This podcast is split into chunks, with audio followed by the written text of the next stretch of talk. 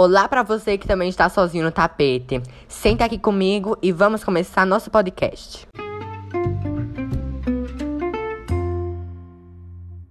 E no episódio de hoje do podcast Sozinho no Tapete 1, vamos realizar a análise do texto O Cavalo e o Burro, de Monteiro Lobato. O Cavalo e o Burro.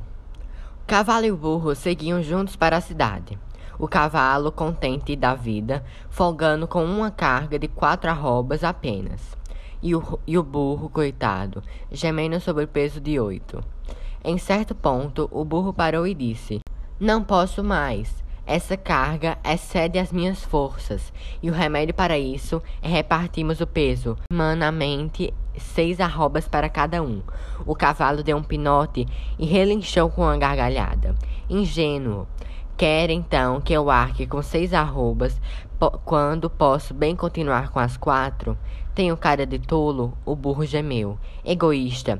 Lembre-se que se eu morrer, você terá que seguir com a carga das quatro arrobas mais a minha. O cavalo pil pilheirou de novo e a coisa ficou por isso. Logo adiante, porém, o, o burro tropica, vem ao chão e rebenta. Che chegam os tropeiros maldizem da sorte e, sem demora, arrumam oito arrobas do burro sobre as quatro do cavalo egoísta. E como o cavalo refuga, dão-lhe de chicote em cima, sem dó nem piedade. Bem feito! exclamou um papagaio. Quem mandou ser mais burro que o pobre burro e não compreender que o verdadeiro egoísmo era aliviá-lo da carga em excesso? Tome, gema em dobro agora.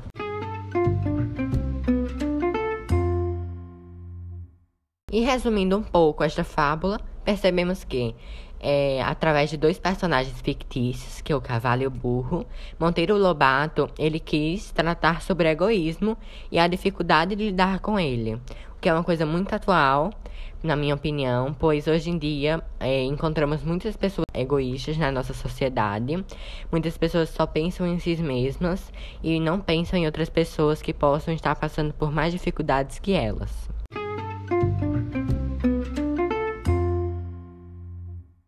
E nesta fábula, como elementos estruturais do texto, como é um texto narrativo, temos personagens, narrador, enredo, espaço e o tempo.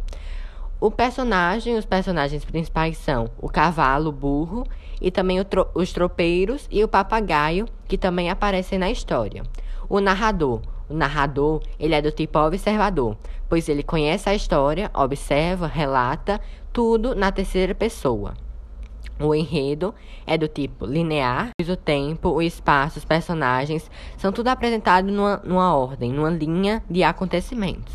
E falando sobre o espaço, o espaço, digamos que seja caminho da cidade, uma estrada, pois é o, é o caminho que o cavalo e o burro estão percorrendo até encontrarem os, os tropeiros e tudo acontecer. E o tempo, ele pode ser considerado cronológico, porque ocorre tudo numa sequência de acontecimentos.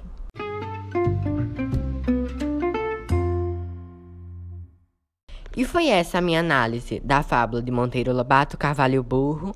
Espero que tenham gostado e até a próxima.